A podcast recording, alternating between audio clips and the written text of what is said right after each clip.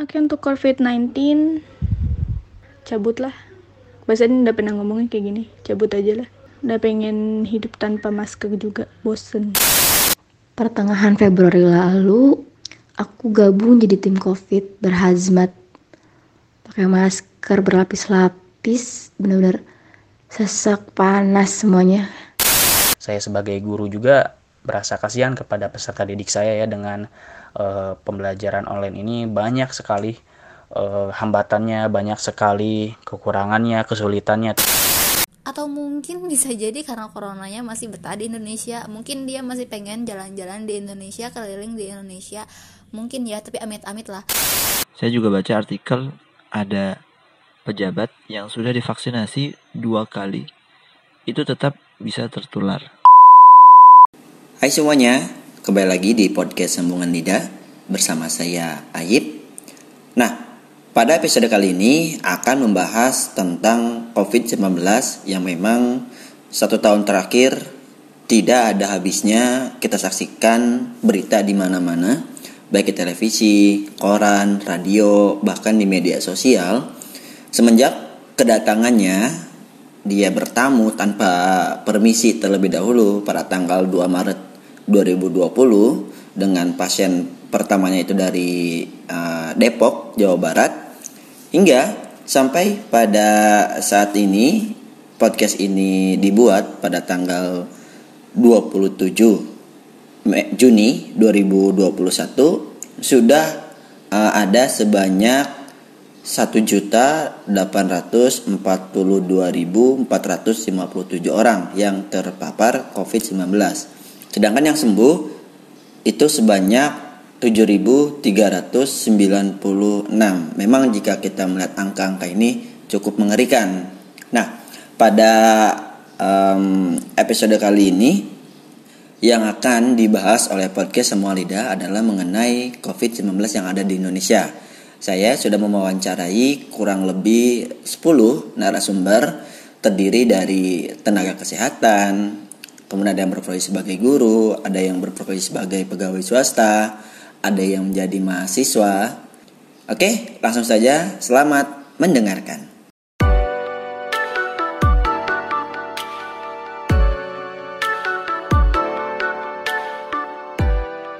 Oke, um, setelah satu tahun lebih COVID-19 ini datang ke Indonesia, menurut pandangan kamu, kenapa sih COVID-19 ini belum juga hilang secara mungkin sekarang sudah 15 bulan bahkan mau masuk ke bulan ke-16 pada bulan depan kok COVID-19 ini belum juga hilang menurut kamu kenapa? Ya bismillahirrahmanirrahim uh, ini Kang Ayib ya memberikan beberapa pertanyaan seputar COVID dan insya Allah akan saya bahas uh, dengan atau sesuai keilmuan yang saya miliki.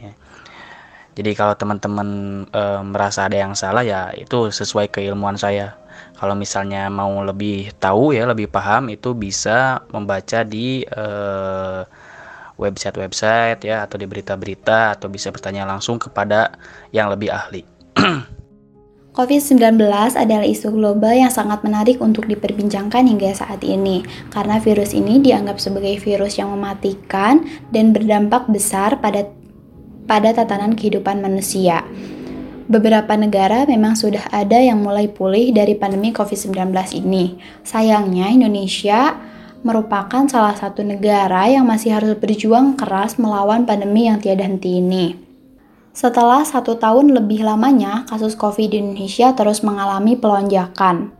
Hal ini mungkin terjadi karena beberapa faktor yang mempengaruhinya, seperti masyarakat yang sudah mulai bosan dengan keberadaan eh, COVID-19 ini sehingga mereka dengan sengaja mengabaikan protokol kesehatan yang seharusnya diterapkan demi menjaga keselamatan diri mereka masing-masing atau faktor lain seperti banyaknya kerumunan yang terjadi saat ini seperti kerumunan yang ada dalam acara pernikahan atau bahkan kerumunan yang terjadi di tempat liburan. Alasannya banyak ya kalau dilihat ya. Ya karena ini merupakan pandemik ya. ya tentu akan lebih lama hilangnya dibandingkan dengan penyakit-penyakit lain. Nah, terlebih lagi ini merupakan uh, virus uh, varian baru yang mana mungkin banyak dari tenaga kesehatan ya dari ilmuwan yang tidak menyiap apa mempersiapkan dari jauh-jauh hari sehingga ketika virus ini datang banyak orang yang kaget yang belum siap. Sehingga ya banyak orang keteteran ya menyebabkan covid ini uh, kurang lebih satu tahun lebih ya belum juga hilang. Um, sebenarnya aku nggak mengikuti perkembangan corona dari awal sampai sekarang dan pusing juga kalau mengikuti dari awal sampai sekarang kan. Yang ada malah bikin stres dan penat. Yang beritanya itu itu lagi itu itu lagi kan. Tapi menurutku banyak faktor yang mempengaruhi kenapa corona belum hilang di Indonesia. Bisa jadi nih salah satunya karena dari diri kitanya sendiri dari masyarakatnya sendiri itu belum mematuhi atau belum disiplin uh, terhadap protokol kesehatan.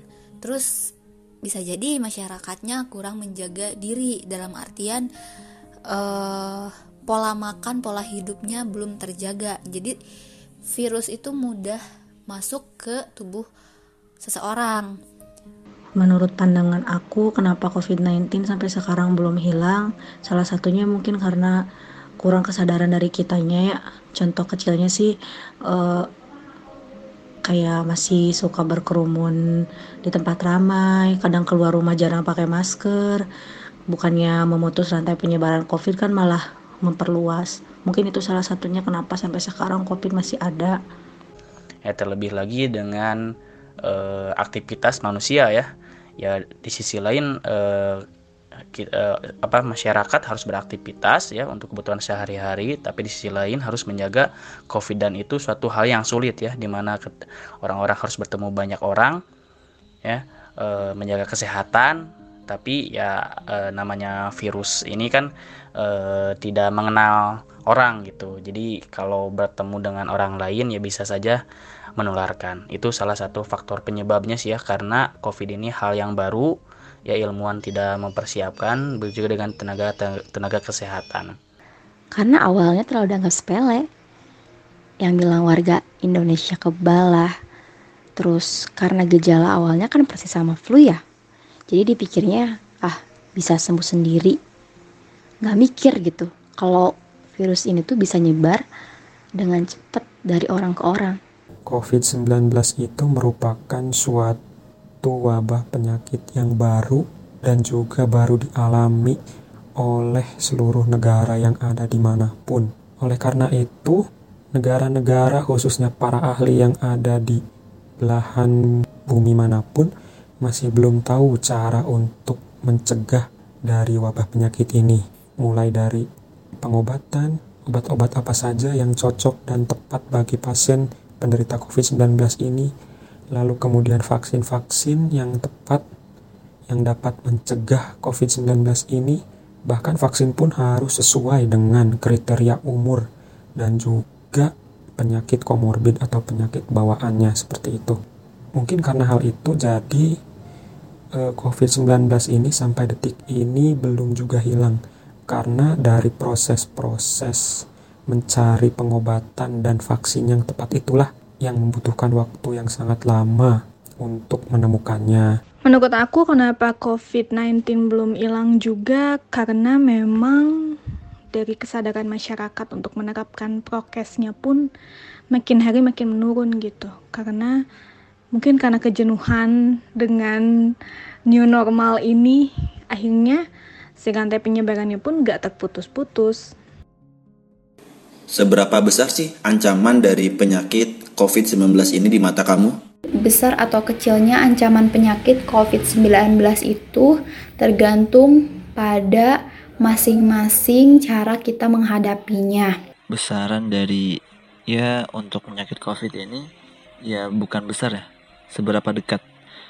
Nah, yang tepat itu seberapa dekat karena ini bersangkutan interaksi antara manusia dengan manusia.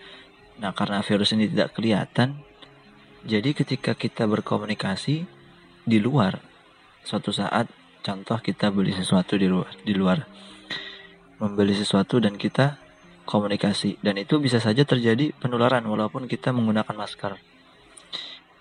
Nah mungkin uh, bukan seberapa besar, tapi seberapa dekat. Nah jawabannya adalah sangat dekat ya. Ketika kita keluar, ketika kita berinteraksi dengan orang-orang kita di sekitar, di lingkungan, sekolah, walaupun sudah divaksinasi, uh, tetap saja bisa tertular.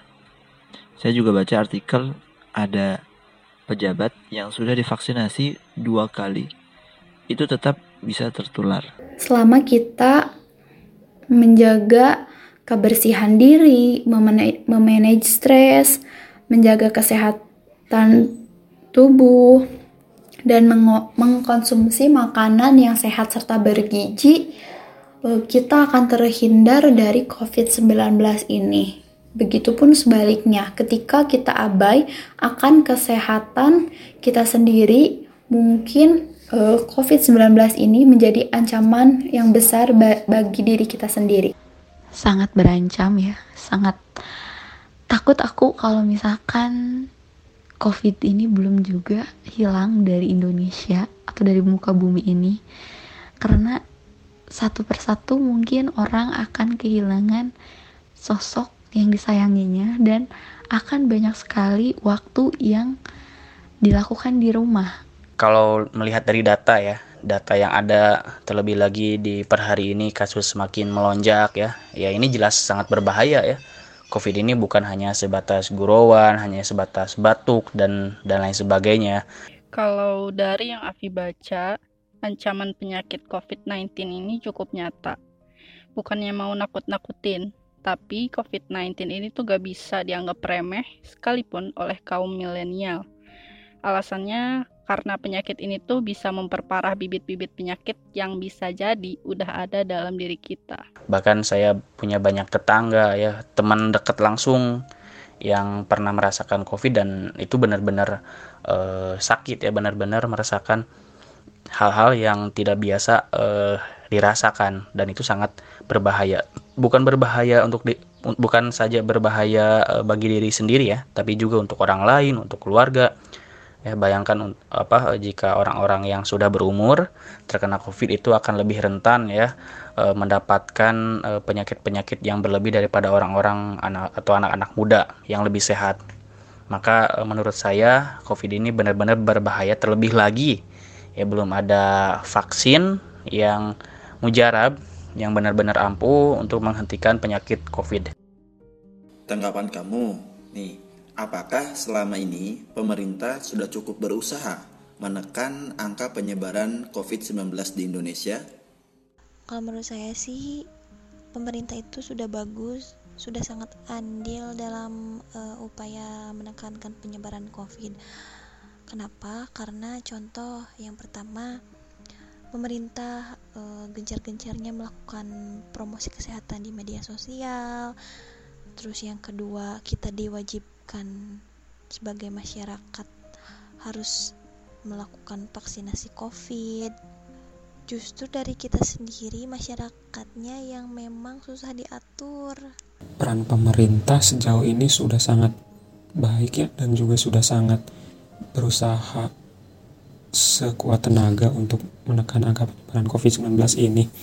Tapi meskipun pemerintah sudah sangat bekerja keras, namun apabila kita masih saja abai terhadap perintahnya, sama saja bohong gitu. Kalau menurut aku sih pemerintah udah cukup ya berusaha menekan angka penyebaran COVID-19, cuma masih kurang maksimal aja sih. Kalau menurut aku kayaknya belum. Entahlah ya, mungkin karena aku emang nggak mengikuti perkembangan COVID dari awal sampai sekarang, entah gimana. Cuman ya aku ngerasanya kayaknya belum belum belum cukup untuk dikatakan cukup tuh belum sangat jauh kayaknya ya tapi aku mengakui usaha pemerintah untuk menangani virus corona. Cuman kan pada akhirnya yang harus menangani virus corona itu bukan cuma pemerintah, tapi dari masyarakatnya juga, dari diri kitanya sendiri. Kalau pemerintah, misalnya kayak e, hal sepeleknya ya, hal sederhananya, ketika pemerintah e, meminta masyarakatnya untuk disiplin mematuhi protokol kesehatan tapi dari diri kitanya tidak mematuhi protokol kesehatan kan pada akhirnya corona masih bisa menyebar. Ujung-ujungnya banyak kan kasus yang menyalahkan pemerintah padahal kan nggak sepenuhnya salah pemerintah dan nggak sepenuhnya juga yang benar pemerintah tanggapan saya terhadap uh, usaha pemerintah dalam menekan angka COVID ini uh, bisa terbilang cukup baik. Cuman kalau dihitung dari apa dikasih nilai dari 1 sampai 10 saya kasih 8 ya. Saya kasih 8 dengan pertimbangan ya banyak pertimbangan ya.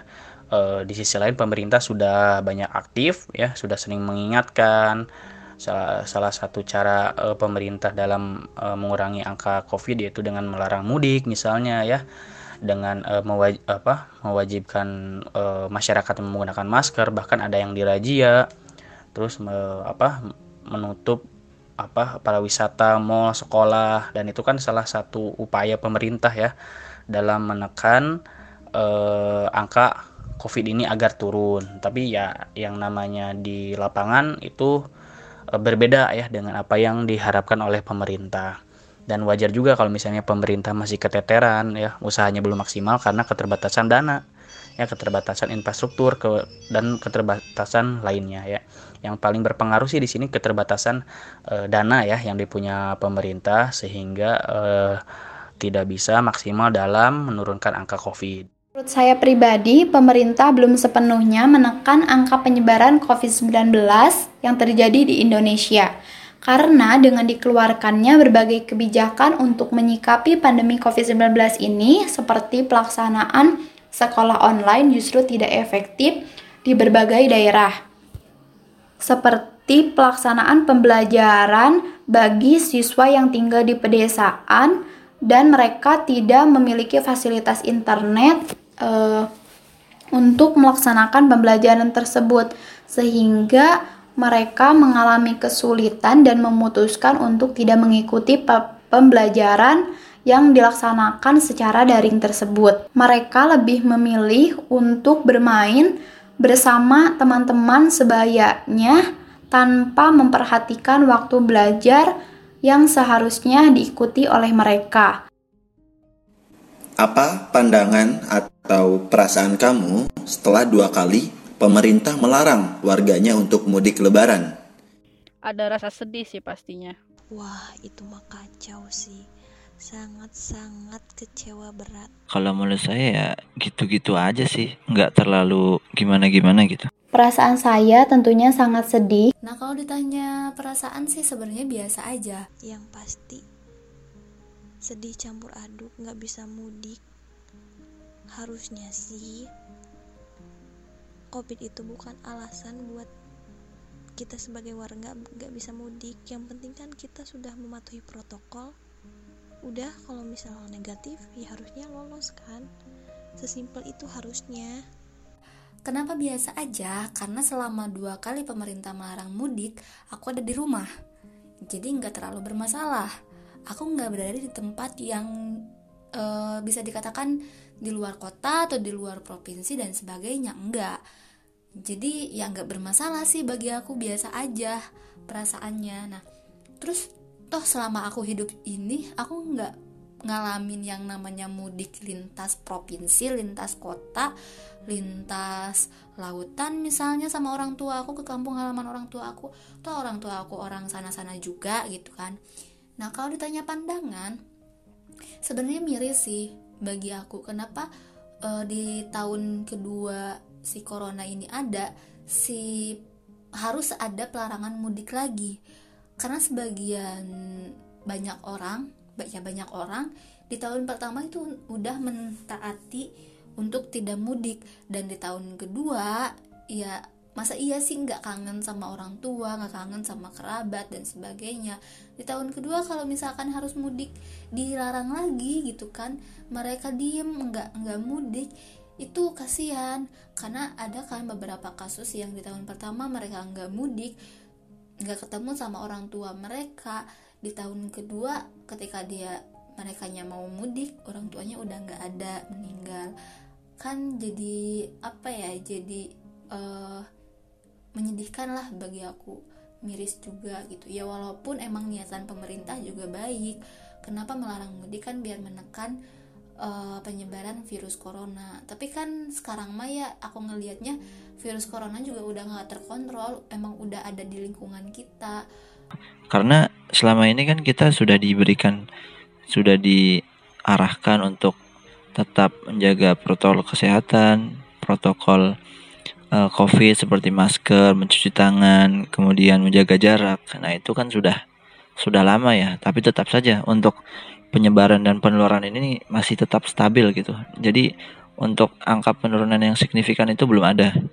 Dan juga disebutkan uh, pernah dengar juga dari berita dari juru bicara COVID-19 Satgas yaitu untuk menurunkan COVID sendiri itu belum ada angka yang signifikan gitu. Jadi untuk contoh contoh-contoh yang sudah diberikan dari pemerintah gitu, tapi tetap saja gitu uh, untuk yang diberikan arahan itu ya masyarakat ya nggak bisa sepenuhnya memenuhi aturan itu ya karena kan kita juga hidup kan perlu ekonomi dan juga untuk menjaga jarak atau menjaga mobilitas masyarakat itu ya sangat sulit ya.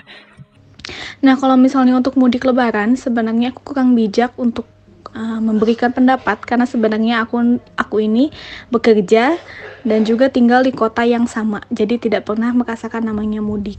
Tapi kalau misalnya dilihat dari kacamata lurus dari aku, uh, larangan mudik ini memang ada tujuannya untuk memutus rantai COVID yang mungkin makin menyebar. Mungkin saja di daerah lain yang selain kota besar itu COVID sudah mulai turun. Tetapi uh, karena ada mm, orang-orang luar kota yang masuk, akhirnya sih uh, penyebaran COVID itu menyebar lagi. Jadi kalau menurut aku sih itu mungkin berupa kebijakan yang terbaik dari pemerintah gitu bukan maksud pemerintah pengen memutus silaturahmi juga sih kalau menurut aku ketika pemerintah menyuarakan larangan mudik untuk yang kedua kalinya hal ini menyebabkan saya dan keluarga besar saya tidak dapat berkumpul dan menikmati momen istimewa yang biasanya terjadi di hari lebaran tersebut.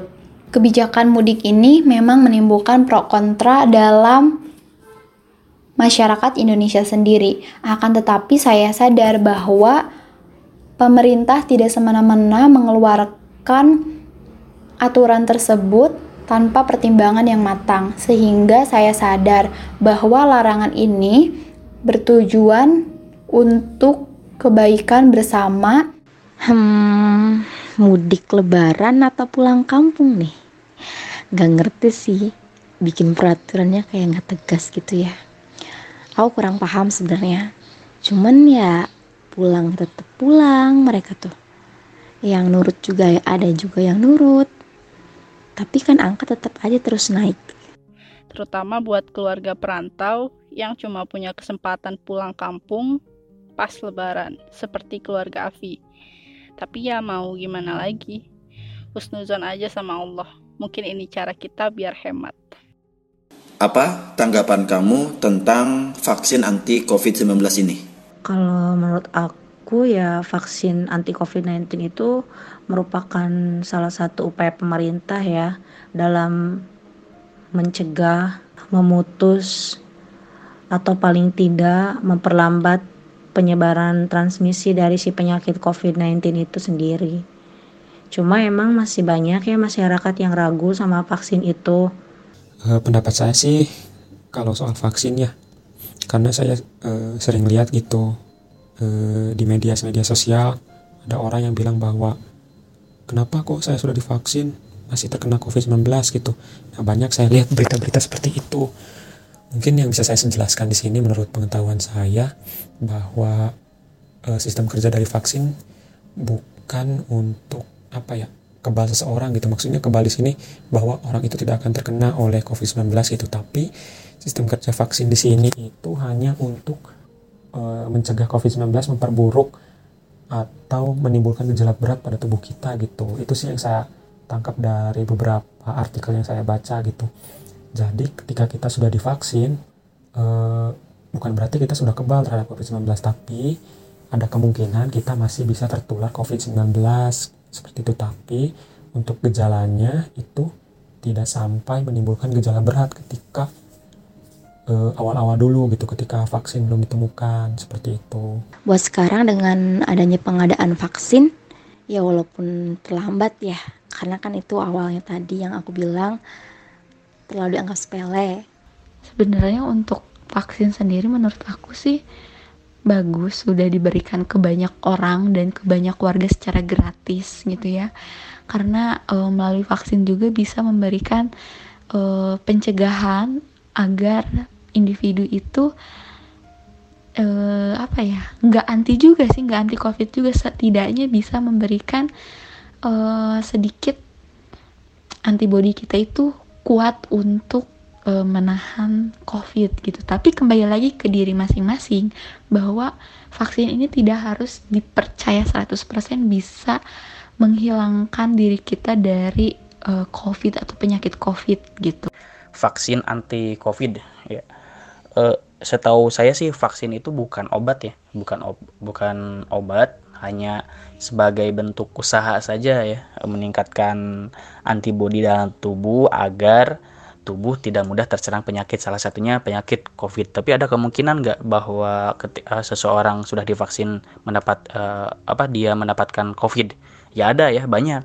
Seperti salah satunya Ustadz kita ya Ustadz Abduh Tuasikal itu sudah divaksin dua kali dan terkena COVID. Banyak juga dari teman-teman saya dan dari berita bahwa seseorang yang sudah divaksin uh, dia mendapatkan COVID jadi vaksin ini bukan anti covid, bukan jaminan, hanya sebatas bentuk ikhtiar dan dan tidak apa tidak bertentangan juga ya dalam agama misalnya kan dalam agama juga kita harus berikhtiar meskipun yang hasilnya yang menentukan Allah Subhanahu wa taala. Apakah kamu termasuk orang yang setuju apabila bulan depan atau bulan Juli itu sekolah dilakukan secara tatap muka? Aku sebagai guru menyikapi nanti uh, bulan Juli uh, rencananya mau ada tatap muka menurut aku cukup riskan dan harus benar-benar well prepare karena kalau misalnya kecolongan sedikit ini akan menjadi klaster baru di covid gitu. Tapi di satu sisi pun pembelajaran kurang efektif kalau misalnya terus PJJ kayak gini ya walaupun sudah dilengkapi dengan teknologi yang maju. Apakah saya setuju terhadap uh pembukaan sekolah nanti bulan Juli ya. Saya rasa eh, setuju tidak setuju sih sebenarnya ya. Karena banyak banyak pertimbangan ya. Per hari ini saja angka covid menaik. Tapi di sisi lain kalau terus kita tidak bersahabat dengan covid ya tidak mau mengambil risiko ya tidak akan selesai ya urusannya. Dan saya sebagai guru juga berasa kasihan kepada peserta didik saya ya dengan uh, pembelajaran online ini banyak sekali uh, hambatannya, banyak sekali kekurangannya, kesulitannya. Terlebih lagi saya guru ya, terlebih lagi mungkin teman-teman saya yang mengajar di pedalaman yang susah sinyal atau mungkin siswanya belum punya banyak gadget, belum lagi ter terkendala kuota dan lain sebagainya. Di sekolah saya juga di sekolah saya pribadi ya, kehadiran siswa itu di bawah 50% ya saya biasanya saya itu mengajar kelas 10 IPA dan 11 IPS anak IPA itu paling banyak enggak nyampe 100 ya. Dari 5 kelas coba bayangkan. 30 ya. Kali 5 tuh berapa tuh? Eh, yang hadir di bawah 100 apalagi yang IPS yang IPS paling banter tuh 50 ya. Nah itu salah satu kendala dari pembelajaran online. Makanya saya e, di sisi lain selain tidak setuju karena covid semakin naik saya juga setuju ya.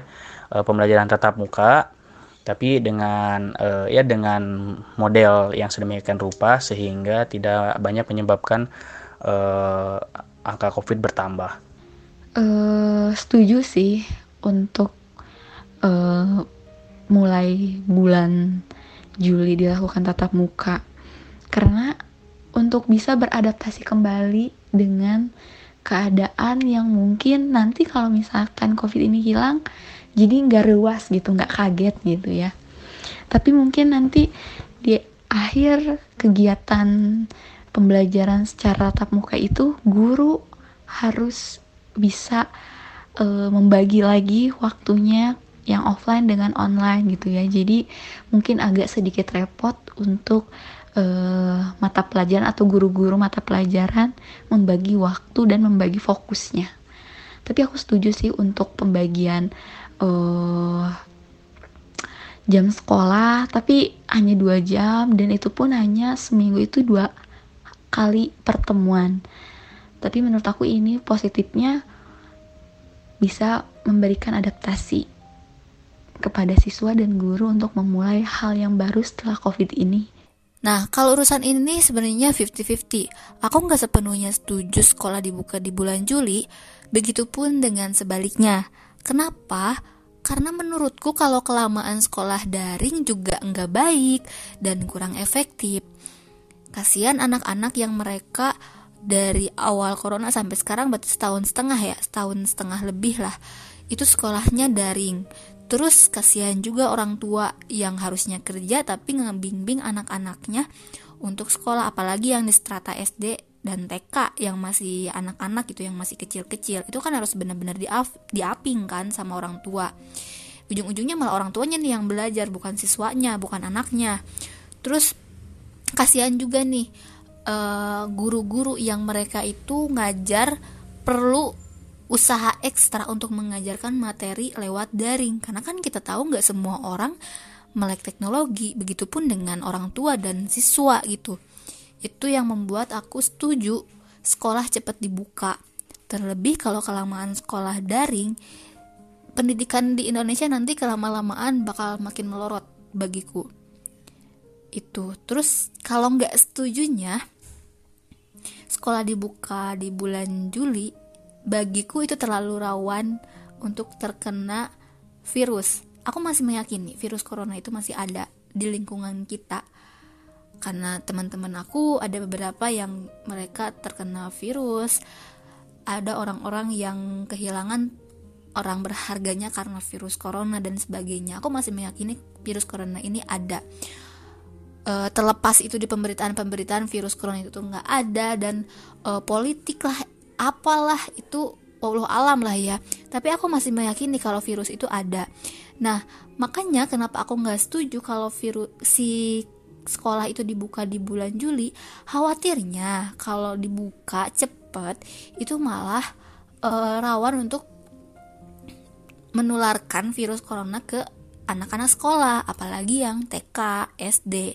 Kalau anak SMP, SMA kan seenggaknya mereka masih bisa meminimalisir diri mereka agar tidak terkena virus.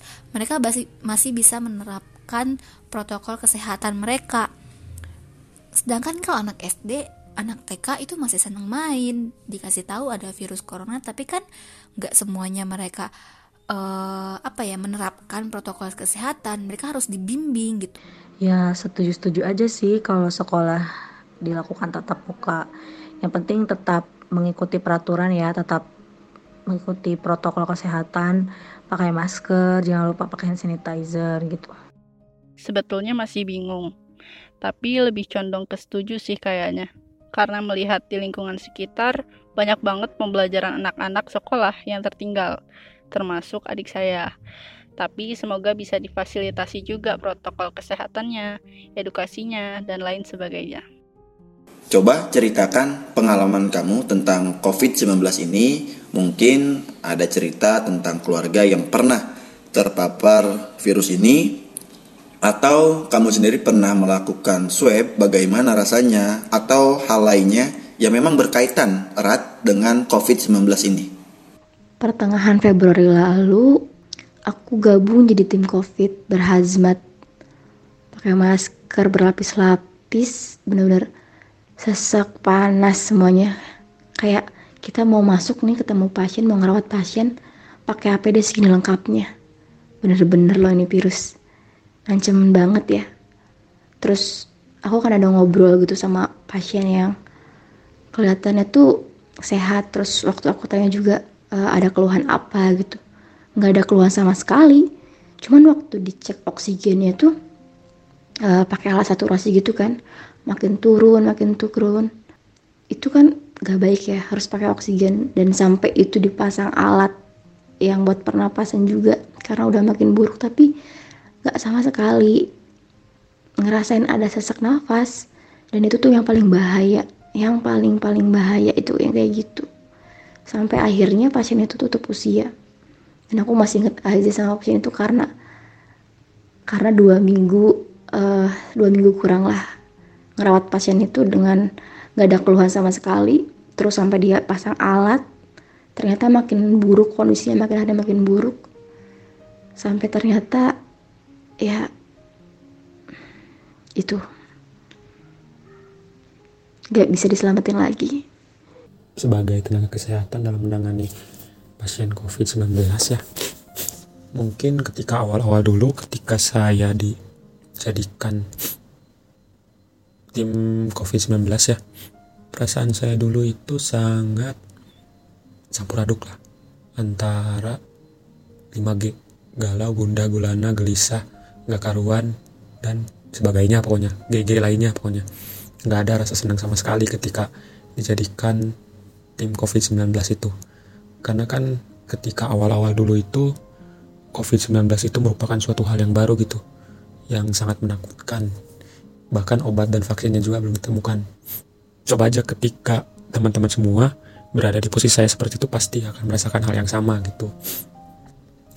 Uh, ya ketika itu saya bingung harus ngapain apakah harus tetap jalanin atau gimana.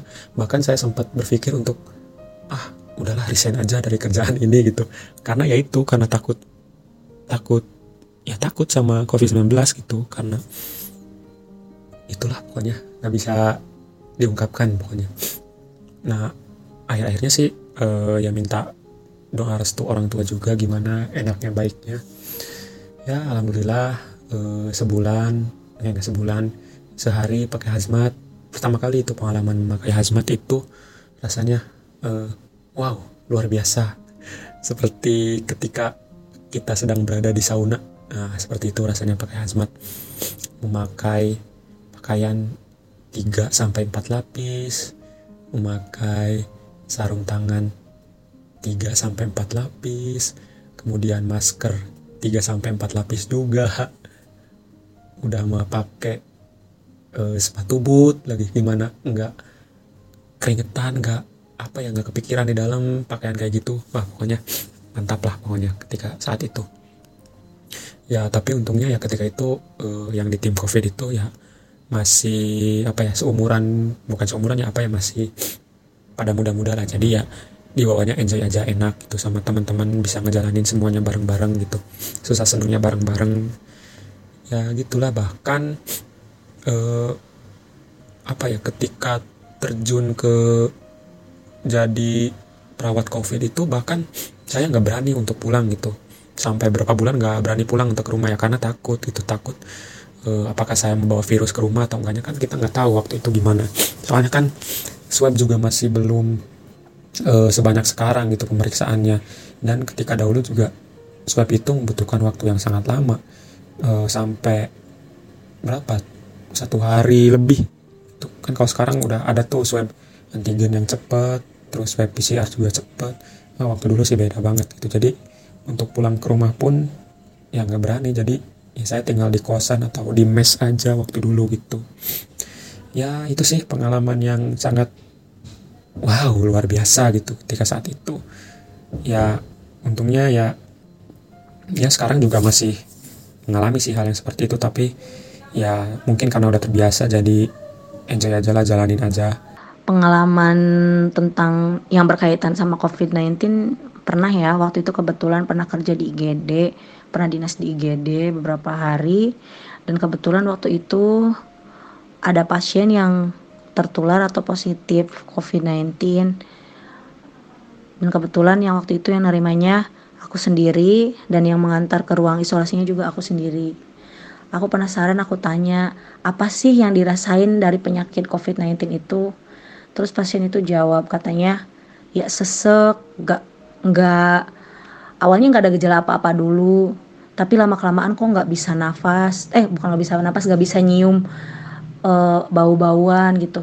Indera penciuman tuh kayak nggak berasa aja gitu. Terus tiba-tiba kayak sesek gitu ya itu sih paling kisah saya terhadap COVID ya. Saya sendiri alhamdulillah belum uh, bukan belum pernah ya. Semoga saja tidak ya saya dan keluarga dan mungkin teman-teman uh, pembaca dan keluarganya tidak merasakan uh, COVID.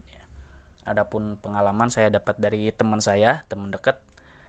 Ya ada teman dekat saya, tetangga saya, dia uh, mungkin tiga bulan yang lalu ya, tiga bulan yang lalu dia dinyatakan positif COVID. Dan banyak ya, banyak uh, ketika uh, bercerita dia banyak um, apa bercerita banyak merasakan hal-hal yang apa di luar dugaan ya. Kalau istilah lainnya ya sakitnya parah banget. Ya di hari awal itu dia apa e, sebelum dites dites dia covid atau enggak dia sudah merasakan pusing ya mual dan lain sebagainya. Nah setelah dites itu benar-benar apa e, kehidupannya beda gitu.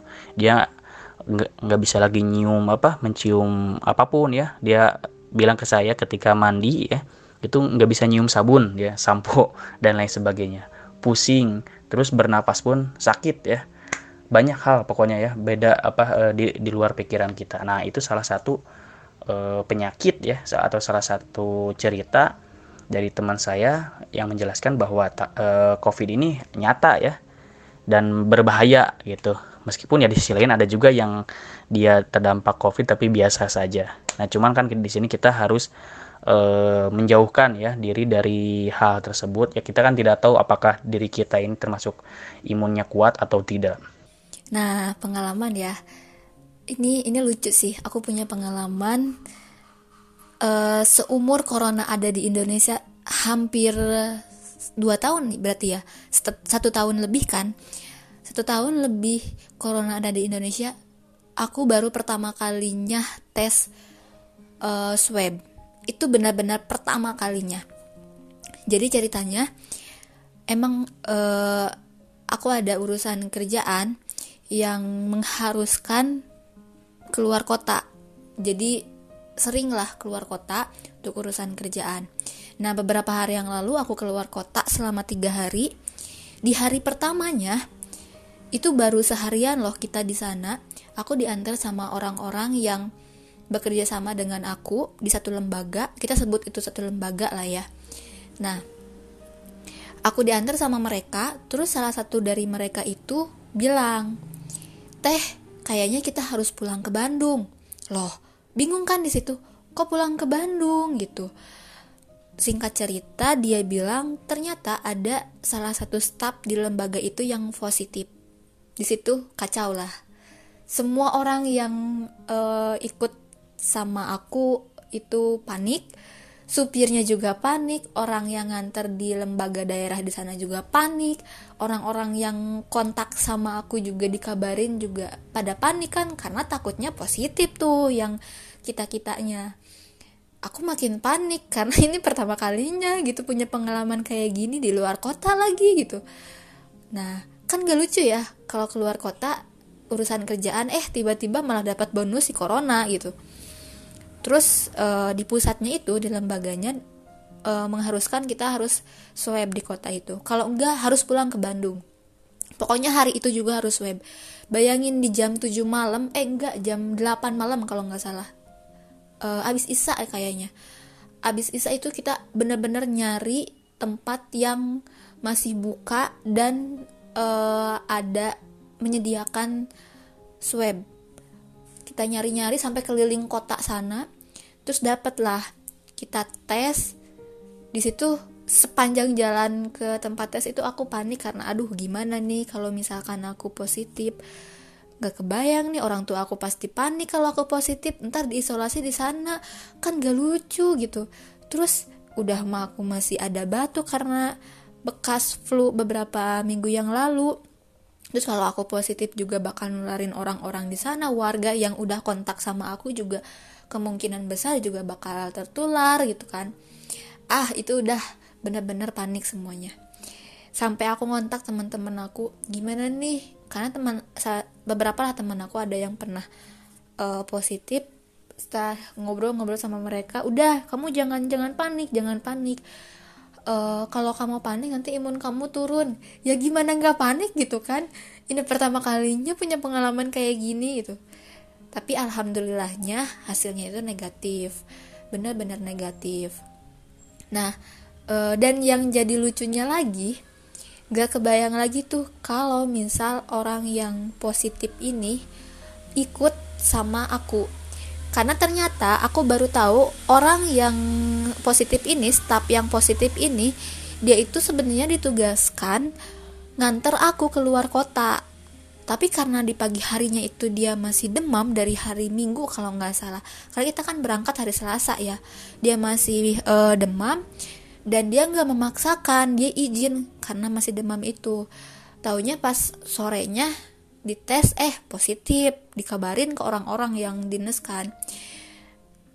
Di situ mikir oh Allah masih masih berbaik hati kepada aku gitu. Karena aku nggak nggak nggak sampai ketemu sama staff yang positif ini nggak kebayang aja kalau ketemu kontak eh aku juga ketularan di sana e, sisi lain orang yang ngabarin ngabarin aku staff ini positif juga dia deket sama staff yang positif ini. Benar-benar saling berkaitan gitu loh. Makanya di situ panik. Tapi alhamdulillahnya negatif gitu. Jadi itu sih pengalaman pertama kali seumur corona datang ke Indonesia sampai sekarang itu pertama kalinya aku swab test. Karena sepanjang corona ada aku nggak pernah kepikiran buat swab test gitu saya pernah memiliki pengalaman terkait COVID-19 e, suatu hari saya pernah mengantar teman saya untuk melakukan tes swab di salah satu klinik kemudian dia dinyatakan positif COVID dan harus melakukan isolasi selama satu pekan. Akan tetapi eh, sebelum-sebelumnya dia tidak memiliki gejala apa pun atau mungkin bisa dikategorikan sebagai orang tanpa gejala.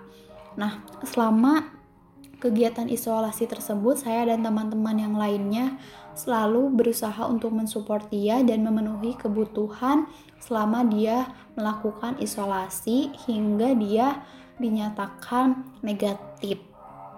Nah, dari pengalaman itu saya merasa sempat kebingungan bagaimanakah cara saya untuk membedakan orang yang e, terinfeksi oleh virus dan orang yang e, sehat. Andaikan COVID-19 itu wujudnya bisa terlihat dan bisa kamu ajak bicara, apa yang ingin kamu sampaikan? Ya kalau COVID itu berbentuk apa? Ada ada wujudnya ya. Mungkin udah saya gorok ya dari dari tahun kemarin ya. Hmm, mau ngomong apa ya? Mungkin ini aja deh. Hai COVID-19, aku mau bilang terima kasih sama kamu karena dengan kehadiranmu, banyak banget nilai moral yang bisa diambil. Kesabaran, kepiawaian menjaga diri, berkembang lebih baik lagi, bahkan juga untuk selalu menghargai waktu bersama orang-orang yang tersayang. Tapi sepertinya kamu sudah cukup lama hadir di antara kami. Jadi kalau seandainya tanpa kehadiranmu dunia akan lebih sehat lagi, akan lebih baik lagi, aku lebih memilih itu. Kalau seandainya bisa ya diajak ngomong, kayaknya aku bakal nanya dan bakal ngomong ke Corona kamu sebenarnya dilahirkan di dunia itu tujuannya apa sih? Buat apa sih? Karena sepanjang aku tahu selama kamu ada sampai sekarang itu yang ada tuh malah uh, banyak hal-hal yang nggak sesuai rencana bahkan banyak orang yang merasakan kehilangan dan kesedihan. Orang-orang banyak yang nggak ngerasa bahagia lagi. Dan sebenarnya niatan kamu ada tuh buat apa tujuannya? Ya walaupun aku tahu itu udah ditakdirkan sama yang di atas ya. Tapi hey gara-gara kamu semua orang-orang tuh jadi nggak seperti biasanya gitu itu sih terus um, sisi lainnya aku pengen berterima kasih juga sih ke si corona ini berkat kamu walaupun semua orang jadi nggak baik-baik aja, nggak bahagia seperti biasanya, semua hal aspek kehidupan juga serba susah. Tapi berkat kamu aku malah merasa lebih bersyukur ketimbang dulu.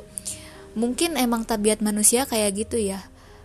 Ketika manusia ada di bawah, bahkan ada di keadaan yang tertekan, itu malah lebih bisa membuka keadaan. Dalam artian bisa membuka mata lebih jernih walaupun sulit ya bisa membuka mata lebih jernih dan bisa lebih bersyukur sama keadaan yang ada. Mensyukuri apa yang kita punya dan apa yang bisa kita lakukan. Di tengah-tengah serba keterbatasan kayak gini ya susah nyari kerja susah uh, lulus kuliah lulus sekolah ujian dan sebagainya. Si lain sih aku pengen berterima kasih ke corona ini. Tapi sisi lain juga aku pengen ya kamu cepet-cepet pergilah biar ibarat badai pasti berlalu tuh bener-bener ada biar pelangi tuh ada setelah badai itu bener-bener ada gitu biar orang-orang yang ngalamin kesedihan ngalamin kehilangan selama ini gara-gara kamu itu bisa bisa ngerasain kebahagiaan lagi seperti biasa walaupun mereka udah kehilangan orang-orang terdekat mereka Aku cuma mau menyampaikan rasa terima kasih yang sedalam-dalamnya karena telah memberikan pelajaran serta pengalaman selama satu tahun lebih ini. Dan aku cuma mau menyampaikan rasa kekesalan aku karena aku melewatkan banyak hal selama kamu ada di sini. Ya, nggak banyak yang mau saya sampaikan. Kamu bisa nggak menghilang dari muka bumi ini? Supaya semua aktivitas normal kembali gitu di bumi. Jadi nggak ada kita pakai masker maskeran lah. Nggak ada kita berjarak jarakan lah. Nggak ada kita nggak bisa salim saliman lah. Nggak ada kita nggak bisa tatap muka langsung lah nah jadi ya maunya sih nggak ada aja gitu dan juga kalau misalkan ada saya mau tanya kamu tuh dikirim sama siapa, tujuan kamu apa gitu. Nah kalau misalkan sudah seperti ini kan, ya kita nggak bisa apa-apa gitu. Kalau misalkan sudah tertular banyak sekali di dunia ini, ya gimana gitu. Itu aja sih paling. Wahai kopi yang terhormat, jika kamu betah di Indonesia ya, boleh. Cuma sudah cukup gitu. Jangan sampai memakan korban lagi. Andaikan COVID-19 itu wujudnya bisa terlihat dan bisa diajak bicara, apa yang ingin kamu sampaikan? Oke, okay. tolong segera pergi dari dunia ini. Udah. Hmm, mungkin ini akan saya sampaikan. Wow, Anda luar biasa. Itu sih paling nggak tahu ngomong apa. Yang paling penting sih mungkin eh, semoga pandemi ini bisa segera berakhir kita semoga selalu diberikan kesehatan, jangan lupa untuk e, menjaga 3M-nya, kemudian mematuhi protokol kesehatan dan e, apa ya? Ya tetap hidup bersih dan sehat untuk semuanya. E, dan satu lagi mungkin apa yang saya sampaikan tadi semuanya itu hanya e, berdasarkan apa ya? E, pendapat pribadi, tidak untuk me menyinggung ataupun me, apa ya me, menyindir apa pun lah itu hanya murni pemikiran pribadi dan apabila banyak kesalahan dalam kata-kata atau uh, ucapan yang saya ucapkan tadi uh, saya mohon maaf ternyata sulit juga ya untuk meng uh, mengemukakan pendapat seperti ini ya aku cuman bisa bilang Terima kasih untuk COVID ini. Dan aku mohon untuk pergi secepatnya karena penyakit ini bisa menghambat semua orang dalam hal kegiatan, ekonomi. Karena orang-orang membutuhkan hidup atau membutuhkan biaya hidup atau kegiatan itu di luar, bukan di dalam rumah. Jadi udahan yuk. Kamu covid pergi jauh hilang kalau bisa jangan datang lagi. Cukup untuk menjadi sejarah bahwa kamu itu ada. Oke untuk covid-19 cabutlah. Bahasa ini udah pernah ngomongin kayak gini cabut aja lah udah pengen hidup tanpa masker juga bosen. Karena ya banyak lah apa eh, hambatan atau kendala-kendala yang diakibatkan karena covid ini ya. Banyak hal bukan untuk saya mungkin untuk teman-teman pendengar ya untuk keluarga saya untuk adik-adik tingkat saya. Covid ini benar-benar hal baru yang sampai merubah semua kehidupan. Mungkin ada yang dari teman-teman ya dari orang lain yang asalnya dia bekerja alhamdulillah rezekinya lancar karena covid rezekinya turun. Tapi di sisi lain ada yang uh, sebelum covid dia tidak punya pekerjaan tapi eh, setelah ada covid dia punya kerjaan atau dia usaha dan usahanya laku ya.